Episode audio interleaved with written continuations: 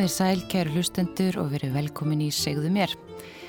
Ég heiti Viktoria Hermannsdóttir og gestur minn í dag er Sigriður Gísladóttir, stopnandi Okkar heims sem eru samtök barna sem glíma við, sem eiga fóreldra sem glíma við geðrann og vanda. Velkomin. Takk fyrir. Hvað kom til að, að þú ákvæmst að stopna þennan þessi samtök Okkar heim?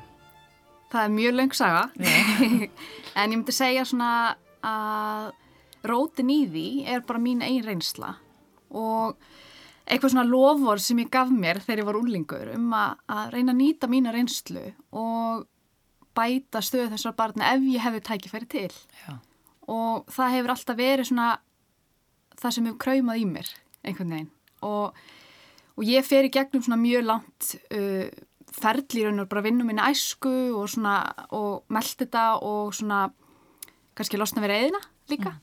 Og eftir ég svona klára það þá fannst mér tilbúin ég í þetta verkefni að fara að stað og, og, og gera eitthvað, eitthvað sem að geti stutt við börnfóreldra með gernavand á Íslandi og það er kannski, ég veit ekki hvort sér auð tilvíluna eða bara örlög að einhvern veginn, maður fær, maður finnur eitthvað úrræði erlendis og, og maður heitir þetta fólki hér á landi og bara boltin rúlar og nú í dag erum við bara með starfandi stöðningsúrræði fyrir hennu hóp. Hvernig var þetta stopnað? Uh, við fórum að stað Í raun veru fer þetta stað uh, innan stjórn og geðhjálpar. Ég fer þar í stjórn fyrir rúmlega þreymur árum og þá var þetta mitt markmið að reyna að finna eitthvað úrræði eða gera eitthvað fyrir hópaðna. Þannig að maður segja okkar heimur hafi svona byrjað þá fyrir þreymur árum og svo í februar á þessu ári þá sem sagt auðvitað við sjálfstætt úrræði og störfum núna í þái barna sem eiga fóreldrar með gerna vanda. Og er þetta stór hópur? Mjög stór hópur. Já og mjög falinn. Er, ég held að hann sé mun stærri en nokkurt grunar. Já. Við erum ekki, við erum ekki með tölur á Íslandi yfir hversu stór hópi barna þetta er. En ef við erum að miða við alþjóðlega rannsóknir, þær hafa sínt fram á það er eitt okkur um fimm börnum sem eiga fóröldum í gerna vanda. Þannig að ef við færum það yfir til Íslands þá er þetta mjög stór hópur barna. Og eins og segir, þetta er kannski svolítið falinn hópur. Þetta er, þetta er kannski hópur sem hefur ekki haft mikla rödd þinga til. Já, mjög. Og þá reynir á fullornafólkið að hérna að láta því sér heyra og það er eitt af því sem ég líti á bara sem mitt hlutverk. Ég komst í gegnum þetta Já. og þá á ég að láta mér heyra. En hver er þín saga? Uh, ég ólst upp hjá móður með hérna alvarlega gerana vanda og ég held ég sé ekki beint undantekning á Íslandi að hafa einhvern veginn farið gegnum skólakerfið um, félagslega kerfið, heilbreyðskerfið án stuðnings mm. og eiginlega bara svona án þess að nokkur tala við þig eða sjáu þig og ég, ég með við svona það sem að ég hef heyrt hér á Íslandi og þá aðla sem ég heit, þá er þetta bara mjög algengt því miður. Þannig að mamma er glýmdi við, við mikinn geranavanda og það var aldrei neinstar eitthvað sem kom og, og, og greip inn í eða og hjálpaði til, hvernig? Nei og sko í raun og veru eins og skólinn minn. Ég var í sama skóla, öll grunnskóla ára mín og skólinn vissi af uh, veikindum móðum minnar en aðhafðist ekkert. Ég fekk engan stuðning í skólanum sem að auðvitað hefði, auðvitað í svona aðstæðan þá vil maður að skóli segja sér greiðastæðurinn. Mm -hmm. Það sem að börn geta hérna tala við einhvern, einhvern svona hlutlesun aðila sem er ekki flektur inn í tilfinningal í fjölskyldinar. En það var því miður ekki og er bara eins og við höfum svolítið sé hjá okkur og það, það skortir eitthvað þarna, það er ekki að því að starfsfólk grunnskóla vil ekki stiðafinn hópaðna, það bara skortir um, einhver fræðsle, einhver tól, eitthvað til þess að geta stutt við henni hóp mm. sem er svo mikilvægt og, og það er svo mikilvægt að það sé greipið þegar maður er barn, að maður fái útskýringar á, á þrós, öllum þróskastegum, maður skilji hvað að gerast og maður átti sig á því að fóröldum að sé veikt, það er ekki von. Nei. Og hvernig var þetta í, í þínu tilfelli, hvernig líst þetta sér? Veikindi móðminnar. Veikindi móðminnar uh, lísti sér uh, í miklu ránkomundum og engin insýn. Þannig að um, mjög lengi trúði ég því hún væri ekki veik af því hún trúði því líka sjálf. Já.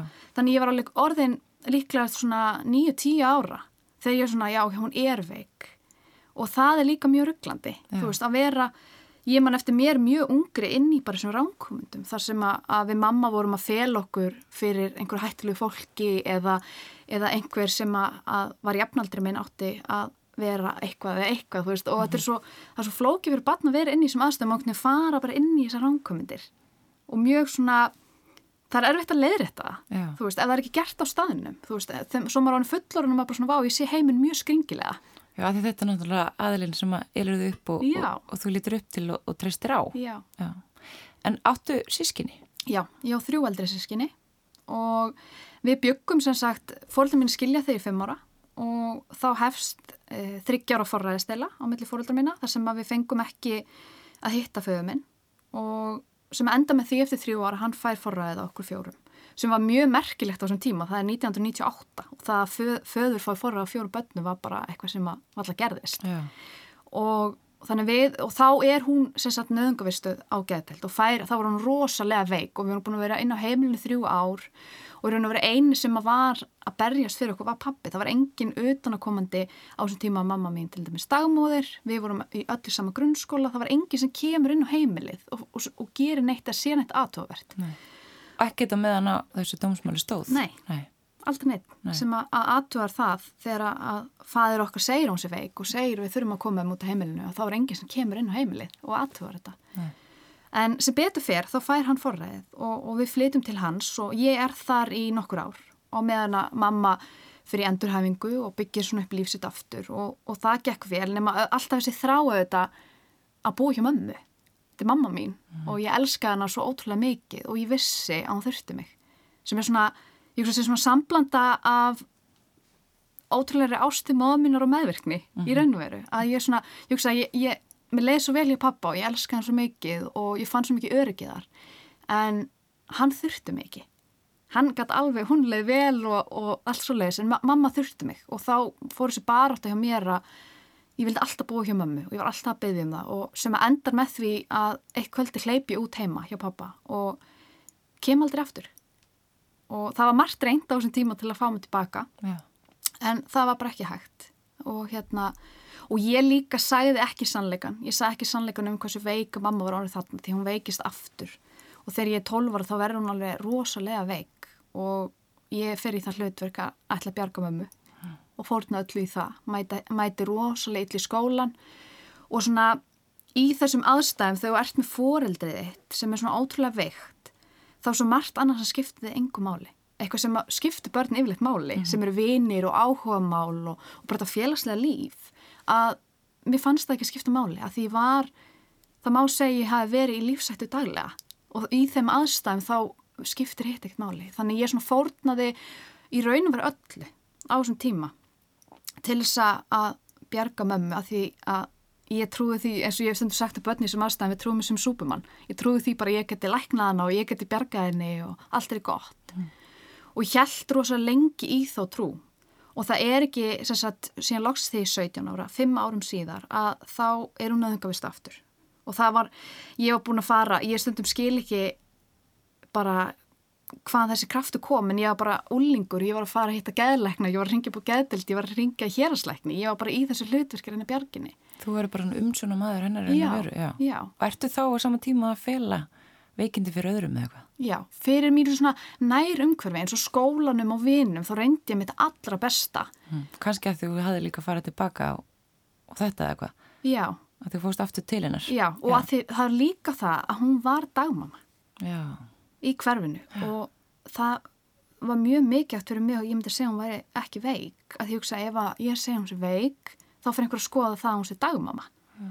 þannig ég var svona rosamikið vendað því að dagmama var liðubröðið okkar það er ja. það sem held okkur í íbúðinu, það sem gaf okkur að borða þannig ég, svona, ég varða hjálpinu með það og sem að endar auðvitað með því hún missi leifið því að auðvitað var ótrúlega margt sem gekk á heimilinu og bara sem betur fer að Þarna virkaði kerfið okkar gagvar þeim börnum sem hún var með í umsjón en það brást mér að því að í öllum þessum heimsóknum þá var ég á heimilinu að meðan ég átti að vera í skólanum mm. og þá er, barnaðum kemur og tegur börnin en það er enginn sem spári mér. Varstu þú bara heima að passa já, börnin? Já. já. Fyrir hana? Já, ég, ég vil meina ég hef byrjað að vinna 12 óra sem dagmáður. Ég bara, ég var, að því mamma var alveg ótrúlega veik og ég sá það og hún gati ekki séð um börnin og ég var að hjálpa henni og ég var að gefa henni borða, ég var að leggja þau, ég var að hugsa um þau, passa på rútinu og ég var bara í þessu hlutverki og elda fyrir þau mat og, og bara svona, ég, ég, ég stóð með eins vel og ég gæti en maður er náttúrulega bara 12 óra. En setti engin spurningamerki við það að þú væri ekki með þetta í skólan? Nei. Það var ekkert aðtugað? Nei, Nei. og mamma ringir mér sko einn veika og pappi var yfirleitt ekki lónið vita, þannig að líka þar þá hefði skólinu þetta átt að segja eitthvað að því ég var kannski ekki búin að mæta í skólan í fjóra vikur. Nei. Þetta er eitthvað aðtört við það því það er að gera af, gerast aftur og aftur og aftur og kennar að vera að vitna því að krakkanir í skólanum er að stríða mér og því ég sé alltaf veik og það er aldrei samtal, það er aldrei neitt aðtúað.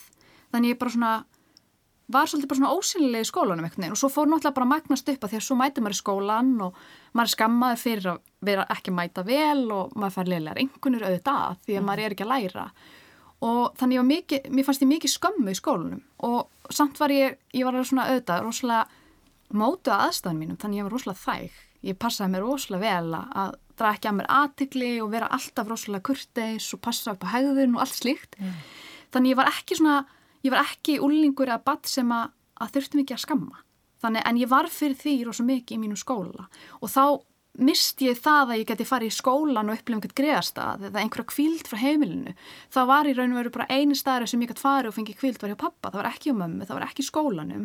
Það var bara alltaf þetta fætt og flætt sem ég var í, bæði skólanum og heima. Já, og í þessu hlutverki er hann að venda mömmuðina þannig að þú eru líklega ekki sagt pappaðinum neitt. Nei, ég sagði honum að stundum þegar eitthvað því ég þurfti að leita til hans en ég sagði honum aldrei þetta alvarlega sem var að gerast. Ofbeldið og allt sem gerðist þú veist og ég bjó við, þú veist, ég læsti alltaf herbygginu mín á nóttinni út af því að það var svo margt, það var svo, nætinu var svo erfið að mamma var að gera alls konar hluti og ég var mjög hrætt en ég var bara stanslust í fight or flight, bara alltaf ég var alltaf hrætt um lífið mitt, ég var alltaf hrætt um hvað mamma myndi gera Og var hann þá að beita það ofbeldi?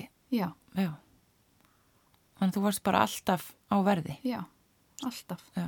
og það er mjög flókið að elska einhvern svona mikið eins og ég gerði og vildi berjast fyrir á sama tíma að þá voru veikindin hennar gerð það verkum að hún var mjög vond við mig og það er líka mjög erfitt að mótast í þenni umhverfi að einhver sem maður trúir að elski mann sé að beita mann ábyldi Og er þarna á þessum tíma, þá er, það er engin að fylgjast á í rauninu með henni eða hvað?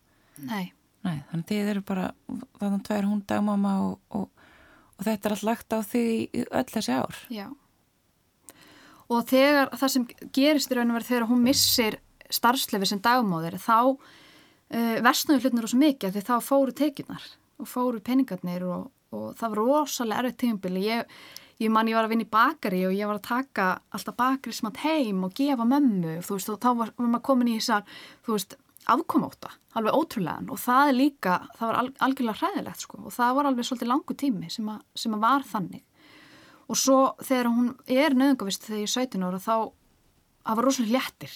Það var svo loksis einhver ætlaði að grípa hana einhvern veginn. Og sama dag og það gerist þá veikist ég af áturskun, alveg rosalega illa. Og ég veit bara að maður er búin að ég held að sé bara að maður er búin að halda þessu ótrúlega lengi maður er búin að halda sér í einhver ástandi til að berjast og berjast og berjast og svo bara um leið og ég vissi einhver verið að taka við henni þá bara brotnaði ég niður. Já. Og hafður það verið að glíma við átröskunni eða svona þróa með þér? ég, svona hægt og rólega. Ég, ég, ég byrjaði fyrst að fá svona hugsanir þegar ég nýjára og, og svo svona bara hægt og rólega mótast. Þá átruskun mótast mjög oft í aðstæðan það sem að er mikið stjórnleysi. Og, og það er bara svona, ég trúi því að það sé bara rótin á mínu veikindi, það er þetta stjórnleysi. Og ég var bara að reyna að finna stjórn einhver staðar. Í Já. einhverju, Hvað stýrt þessu? já. Já, einmitt. Og, hve, og hún er nauðungavist og hve- hvernig kom það til? Var, komst þú það nærri? Já, já. já. Og ég var bara búin að leita til bæði ég og fjölskylda mín uh, fagaðala og, og allskunnar og svo var þetta komið á það stiga að það er metið að hún sé hættuleg sjálfum sér eða öðrum og það var greipið til þessa aðgjörða og, og hún leggst inn og þá kemur svona tímabil þar sem að maður svona fekk aðeins pásu frá þessu hlutverki sem ég þurfti því að þarna var ég sjálfvarun sjúklingur og ég þurfti bara að fara sjálf í meðferð og, og, og fá hjálp eftir, eftir svona þessi löngu eiginlega bara stríðsál myndi ég segja það var svona alveg þannig ástand Og þetta eru hvað, fimm ár þar sem hún er þá svona mikið veik? Já. Já. Þannig að þú fer bara algjörlega í, þetta hlutverk, hlutverk umunur aðalega. já, Og hvernig, og svo 17 ára og þá fer þú í, meðferð sjálf og var það langu tími?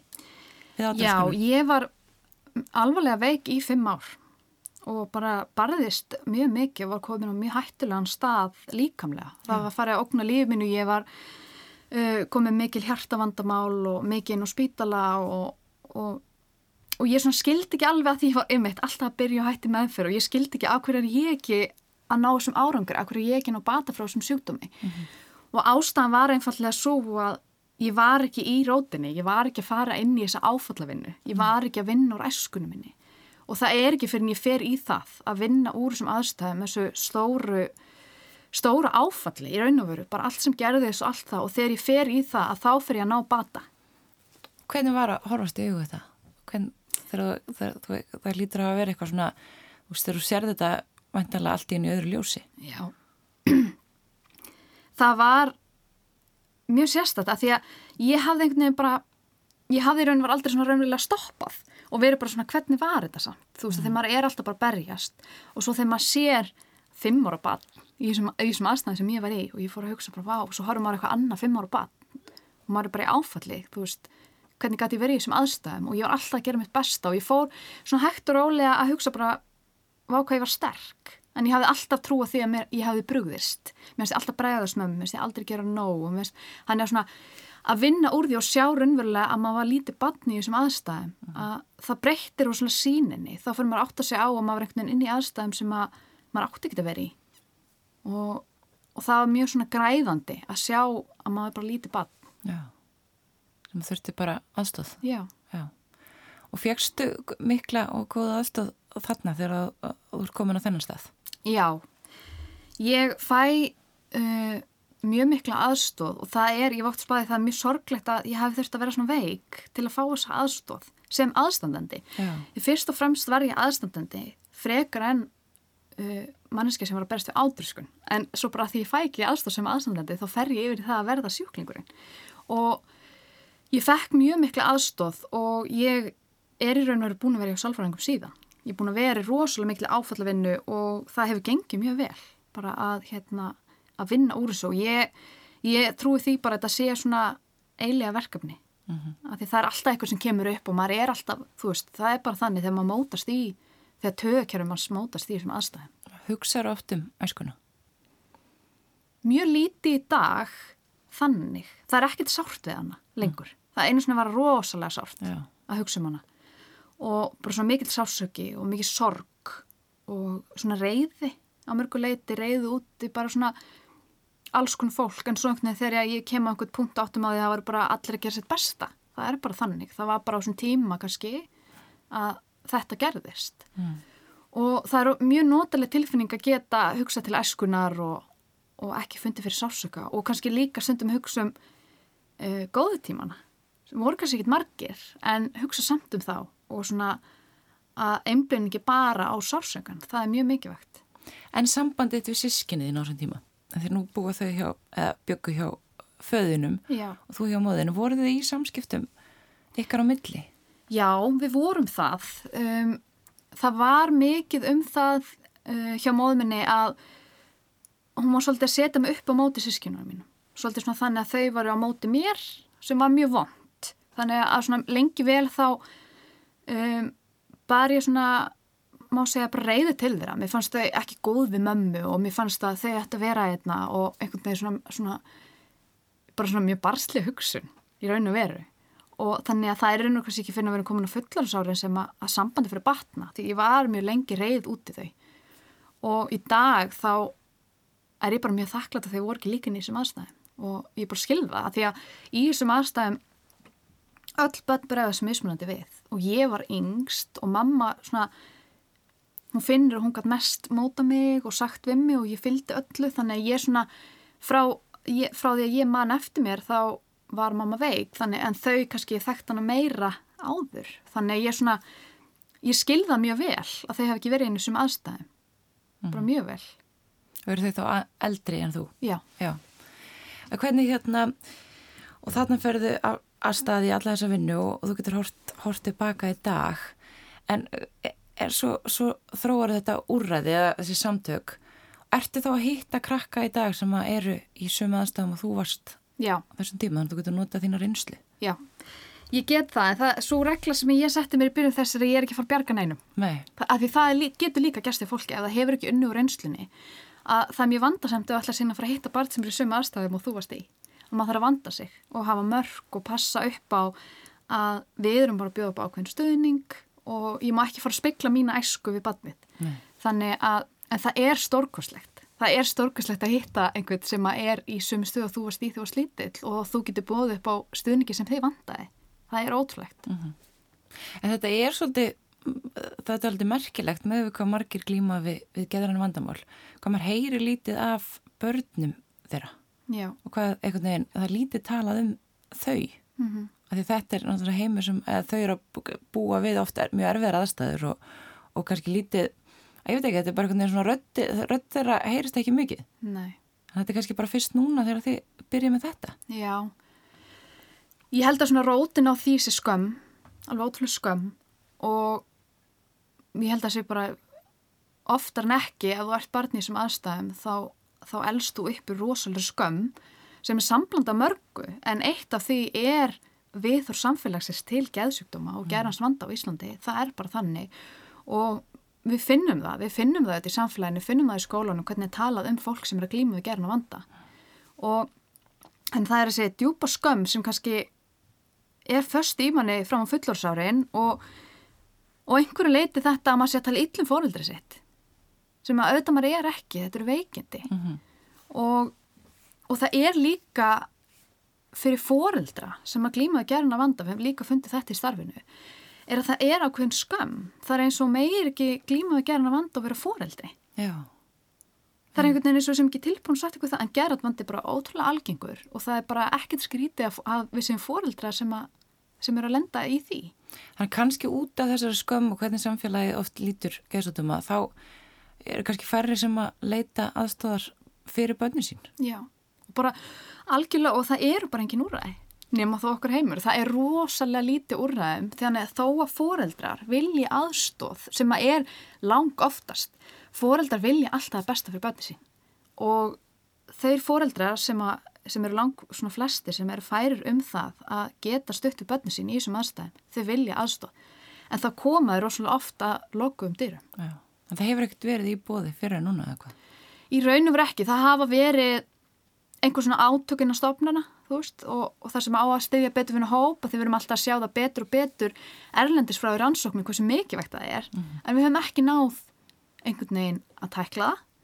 Það var ekki að lagabreiting 4. júni 2019 á réttundum barna sem aðstendaður, en það ber mjög lítið á þessar lagabreitingu innan stopnana í verki. Það er bara ekki enn þann dag í dag byrja að starfa eftir þessu lögum á langfærstu stöðum. Og hvað fól það, þessi lagabreiting í sér? Hún fóli í sér raun og réttindi barna sem aðstandendur, hvort sem að það séu fóreldrar sem er með líkamlega veikindi eða geranveikindi eða eitthvað slíkt, að bara börn sem aðstandendur réttu þeirra á stuðningi.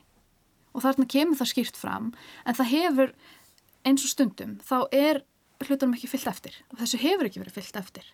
Þannig að það er þó að þessi réttindi þeirra séu, þá er það bara mjög skornum skemmti að þau séu að fá samtal og það er það sem við erum líka að sjá í okkar starfi er að það er mjög handhófskend. Það er mjög handhófskend hvað starfsmanni þú lendir á sem barn, hvort að hann sé, að fara að taka samtala við þig. Og það er mjög oft tengt því hvort að hann hafi sérstaklega áhuga sem hópi barna eða hvort hann hafi eigin reynslu og skilji aðstæðunar. En það er eitthvað sem stoppar mjög oft starfsmenn og svo miða við það sem við umkomist að í starfinu, það er yfirleitt það að þau hræðast þetta samtal. Þau hræðast að segja eitthvað vittlaust, uh, veit ekki hvað að segja, en átta sig ekki á því að það skadlegast er alltaf að segja neitt. Já. Að því að barni fyllir upp í eðurnar. Það býr til og mjög algeng hugsun í börnum í sem aðstæðum er að þetta er mér að kenna. Ég get lækna fóruldrið, ég þarf að vera þæg og allt þetta og fyrir að kenna sér um þetta sem er svo vond. Það er svo mikið að grípa barni og útskýra hvað er að gerast, hvernig þessi veikindi lýsa sér. Þannig að það getur líka aðgreint fóruldrið frá veikindi þess. Og er þetta kannski lausnin bara, kannski erfitt að segja að þetta sé lausnin, en svona almennt þegar kemur að geðsútumum og, og öllu sem því, því við kemur, reynilega bara að tala mér um það. Já, Að þetta er, það virðist vera en þá, jafnvel þó að, að það sé árið 2022, Já. það virðist vera mikil svona, já, skömm en þá sem ríkir um þessa tegund sjúdóma. það er mjög mikið og, og, og það er eins og með börni, það er bara best að vera eins reynskilun hægt er út frá þróskustegi balsins og, og það er alveg smokkur við, að, við þurfum að, að búa til þetta rými þar sem við getum talað um gæðran veikindi án þess að upplifa að skömm og einhvern veginn við megum ekki tala um það. Og það er það sem börn finna. Þau finna það í skólanum, þau finna það allstarri kringu sig að það má ekki tala um þetta. Og þá náttúrulega fara þau tilbaka og þá mótast þessi skömm. Og það er um leið og við fullandafólki hættum að, hafa þessa fordóma og getum tala ofinskátt um það að þá breytist þetta og það er eitt af því sem við hefum lagt rosalega miklu ásla á í fjölskyldusmjónum okkar er að hafa þetta rými þar sem við megum bara segja allt og bara, það er ekki fordómar og það er ekki skömm og við getum bara rætt þetta. Og hvernig fer starfi fram hjá ykkur í okkar heimi? Við erum að reyka fjölskyldusmiður fyrir uh, fjölskyldu þar sem fóröldir glími við gerna vanda og erum að bjóða upp á sem sagt að í raun og veru öll fjölskylda mæti og fóreldri og barn og það er mismunandi hvort að það sé fóreldur sem glímuðu gerna vanda eða hvort það sé fóreldur sem er ekki glímuðu gerna vanda eða báðir saman, það er bara mjög mismunandi. Þannig það er alls konar útfarslur á því uh, hver er að mæta um barninu. Og í þeim fjölskyldismiðjum þá erum við að vinna út frá hugmyndafræði sem snýst í raun og veru um að, að draga úr líkum að þau þurfu sjálf með sér gerna vanda og fullorðsárum og erum að vinna með gaggrindar aðferði til þess en þau eru, eru, eru 70% meiri hættu á að þróa með sig gerna vanda, fáu þau ekki stuðning. En það sem að rannsókn hefur sínt að það, það, ef þau fá stuðning og það þarf ekki að vera einhver ótrúlega mikil stuðningur en einhvern stuðning í þessum aðstæðum þá dreyður það verulega úr þessum líkum. Og þess vegna er svo mikilvægt að fá þennan stuðning í æsku. Yeah. Þannig að í raun og veru erum við svona, við erum skadmingt óræði í, í lífessabartna og erum, við erum að vinna mikið með leiki og leiklist sem svona form á því hvernig við erum að tala og við höfum alls konar uh, aðferði til þess. Við, ekki, við stöndum ekki og höldum fyrirlestra fyrir þessu börn. Við erum bara að nýta leiki og leiklist til þess að í fræðslu formi mm. og það sem við sínt sér að þetta er byggt á, á aðferðum erlendisfrá sem að hérna hefur standi fjöldi marga ára. Oft eru börn búin að vera í þessu úrræði til marga ára og átt að segja á því að þetta sé raunverulega fræðsla. Já þú veist, að við erum bara með þetta form og, og þá eru ótrústu hluti sem að geta gerst hjá þeim. Bara sér kannski á öðru sér, annan hátt. Já, já. Þegar ég fór inn í, inn í þetta og, og við fórum á stað með þessu hugmyndafræði, þá var ymmið það einan sem ég vissi ekkit um, það var leiklistin. Það var bara, ég vissi bara, ég þarf bara að fá leiklista menta að mannesku inn í þetta sem ég geri og en svo er svo magnað að, að því, svo þegar maður er inn í barnahóknum að, að, að það er klukkutíma afsmiðan þar sem börnunum er skipt, þar sem börnun eru bara sér og svo foreldrarnir sér. Og í þessu barnahóp þá það er magnað að horfa á þau hvað þau byrja að opna sig og allt sem þau eru að segja og tjá og það er máttur leiklistarinnar. Það er stórkustlegt að sjá það, það er nýtt fyrir mér að, að sjá það. Já. og er þá mörg bönn saman og, og fóreldrar sem að koma svona, já, já, já. Hann, það er svona byggt á svona hópa starfi. Já, einmitt. Og hvað er hvaða, hvaða aldurspill er aðna hjá okkur? Uh, við, við setjum fjölskyldismiðunar upp þannig að það er séu fór 5-18 ára og eins og staðinu núna þá eru þau frá uh, 5 til, eða 4 til 15 ára. Við erum heldur ekki eitthvað stífa á sem aldri þar að, að því að stundum er líka bara sískinahópur. Þannig að við gerum allt sem við getum til þess að fjölskyldu getum ætt. Og þannig að þetta, er fjölbreyttur aldur hjá okkur og, og þau, það, það er ótrúlegt hvað það gengur vel. Meðan fjölbreyttur aldurshóp, einhvern veginn leiklistin og hvernig þau vinna saman, það er ótrúlegt. Að þau líka eiga þetta sameigilegt að þau eiga fóröldur sem glíma og gerna vanda og bara það að hitta önnu börn í þessu stöðu, mm. það er svo mikil máttur af því það er eitthvað sem að börn sem að rannsókn hafa sínt er að börn trúa því að þau séu eini heiminum Já. að þau séu einu sem, sem eiga fóröldur að glíma og gerna vanda Upplýðið þú það á, á sínum tíma? Já, ég, mér fannst mjög skrítið en ég hugsaði bara eitthvað, hvað hvað skrítið ég sé eina barn í heiminum sem á mömmu sem veik, en ég raunverulega trúði og það var mjög frelsandi að sjá, nei ok, við erum bara, við erum stór hópur. En það er erfitt að upplifa það að þú sért ekki hlutan ennum hóp. Það er óslega erfitt og það er það sem við erum að gera með okkar heim er að búa til en hóp að þau upplifa þessu upp, hlut af einhverjum hóp á mm. Íslandi. Og heldur starfið svo áfram, þið komið í, bönnin koma í svona fjölskyldu smiðju og er svo eitthvað áframhald eða Já, við svona... erum í raun og veru langtíma stuðningur Já. fyrir þessu fjölskyldu. Þannig að það var okkur mjög mikilvægt að því að stundum þegar að, að maður fær einhverju, einhverju stuðning útluta eða eitthvað slíkt, þá færi kannski fimm skipti. En við uh, erum langtíma stöðningu þannig því eins lengi fjölskyldu vilja geta þær leita í okkar úrræði. Uh, og það er mjög mikilvægt og það sem hefur sínt sér úti þá er oft börn kannski í þessum fjölskyldu sem hefur kannski tíu ár. Og það sem gerist er að á hverju þróskastíði þá komum nýja spurningar það gerist eitthvað nýtt, fólk getur fengið bakslag eða ekki og það er alls konar sem að, að kemur upp og það er svo mikilvægt fyrir þau að geta fengið útskýringar og geta rætta Þannig að það er okkur mjög mikilvægt að, að bjóða upp á þennan langtíma stuðning fyrir þessi börn. Og að, þú ert að vinna þarna og svo er þið með eitthvað félagsráðgjafa með ykkur. Já, Þórun Etta Sigur, Sigurjónsdóttir sem er félagsráðgjafan okkar og hún, hennar uh, masters hérna, verkefni var rannsókn á fullornum einstaklingum sem hefði alist upp hjá fóröldri með alvarlega geranvanda og þannig hún hefur svolítið uh, skoða þennan hóp hér á landi og þannig að við svona tvær förum í þetta saman að að reka þetta úrræði og, og svo erum við líka með leiklistakennara sem að stýri þessu starfi og svo erum við líka svo heppin að hafa sjálfbóðlega sem að aðstofa okkur með smiðunar því það er mikið eftir sjögun og mörg, við erum oft með stóran barnahóp og þannig að við og við höfum alltaf farið í gegnum þjálfun frá þessum samtökum frá Breitlandi áur tæm og fáum reglulega handleyslu bara við innleggingu á þessu og og vonumst til að geta stekkað úrræðið hér á landi. Og hvernig hefur þetta gengið síðan þið byrjuði? Ótrúlega vel. Það hefur gengið mun betur enn í þorða vonuna. Auðvitað, ég hef alltaf haft rosalega trú á þessu. Bara frá því að ég fór stæði þetta þá vissi ég að þetta var það sem við þurftum að gera. En maður býr sig auðvitað undir það að það komum nökrar og alls konar en þetta hefur gengið stórkostlega vel og það er magna að sjá það að þetta sé eitthvað sem er að virka, þetta úrræði og, og það hefur svona, það hefur verið bæði aðsóknum við fengið uh, rosalega góða mótugur allstaðar, við hefum farið inn á stopnuna að kynna, kynna þetta úrræði og það verðist vera bara að það vantar, vantar rosalega úrræði fyrir hóp, þannig að okkur einhvern veginn allstað ekki fagnandi og allir fegnir af þessum byrja að starfa og þau geti vísa þessum hóp eitthvað það er svo mikið vægt Hvernig er, ert í ykkur sambandi við móðin í dag? Nei. Tókstu ákverðin um að vera það ekki það? Já, sem var mjög, ég held að enginn taki það ákverðina að loka fóræðaldri sitt nema það sé virkilega vel ígrundað og allt tekið inn því að þetta er held ég einn erfiðasta ákverðin sem maður tekur að þetta er fóræðarmanns. En ég var búin að vera lengi hjá sálfræðingum að vinna minni æsku og ég lendi einhvern veginn alltaf einhverjum vegg sem ég átta mig síðan á þar að því ég er ennþá í samtöðu mömmu og ég er enþá að því maður verður svolítið aftur badd þegar maður er í samskiptu við fóreldra sín og ég fer alltaf aftur í þetta hlutverk þó ég sé reyna að kúpla mútur í þannig kom á einhvern svona tímapunkt þar sem ég uppliði bara þó ég vildi það ekkert endilega að ég þurfti að pröfu þetta og sjá hvað gerist.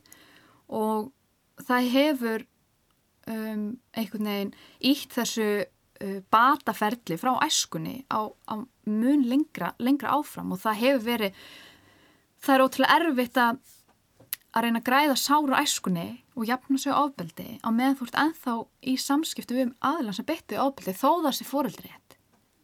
Þannig að ég þurfti að taka það ákvörðun.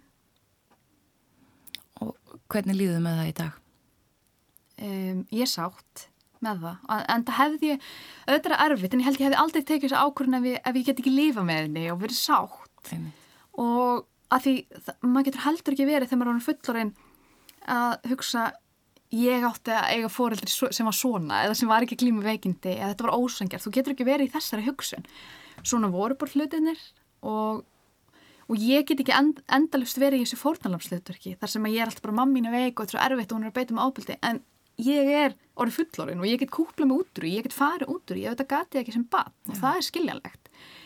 En að vera í þessu á fullorðinsárum í þessu ábyldi það er skrítið að að kúpla sér í, mm -hmm. það er það og þannig að það, ég er sátt við það, sátt við það ákvörðun því að vera í samskiptu með einhvern sem er að beita þessu eða sem er er, erfið samskipti, það hefur áhrif á allt lífvitt, mm -hmm. það hefur ekki bara áhrif á samskipti við einstaklingin eins og við mömmu eh, það hefur bara áhrif á allt lífum, lífum hans og all önnu samskipti ef þú ert einhvers þar í þessum hérna, óheilbrigðu samskiptum mm -hmm.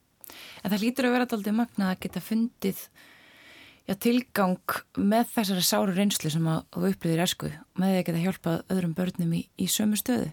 Já, það er, sko, í, þegar ég var barn, ég var svona trúið, alveg ótrúlega trúið og hérna, ég veit ekki hvort það var, ég fekk ekki svona rosalegt trúalegt uppeldi, en það var út af því að ég upplýði Guð sem eina sem ég kan tala við.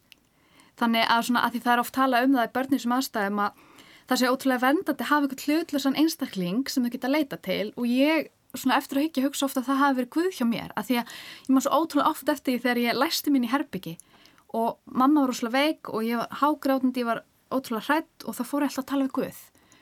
Og ég man ég var alltaf að segja fyrir hann ég veit það er ástæða fyrir þessu, ég veit það er eitthvað ástæða fyrir þessu en þetta er svo erfitt og ég trúði því alltaf. Ég trúði alltaf að þetta er búið og það væri ástæða fyrir ég væri í þessum aðstæðum. Og ég vissi ekki af hverju ég hugsa að ég mun vita því er fullorinn og það er magnað að vera sem fullorinn og vera svona já ok, nú skil ég þetta. Ég ætti bara að fara að stað með þetta úrræði það þarf ekki endilega að vera ástæðan en það, er, það gefur þessu tilgang. Þá er þetta ekki, ekki sárt lengur. Þá er þetta bara svona já, ok, þetta þurfti bara að gerast. Hjálpar öðrum í staðin. Sigriði Gísladóttir, stopnandi okkar heims. Kæra þakki fyrir komuna í Seðumir Takk fyrir mig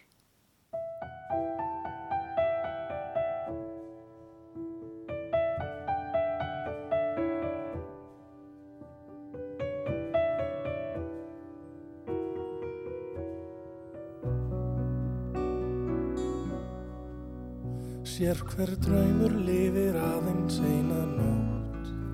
Sér hver aldar í sem nýgur jafnan skjótt. Hverju orði fylgir þögn og þögnin hverfur allt of fljótt. En þó að augnablíkið aldrei fyllir stund Skaltu eiga sem þerra burt aldrei nær að græða grunn.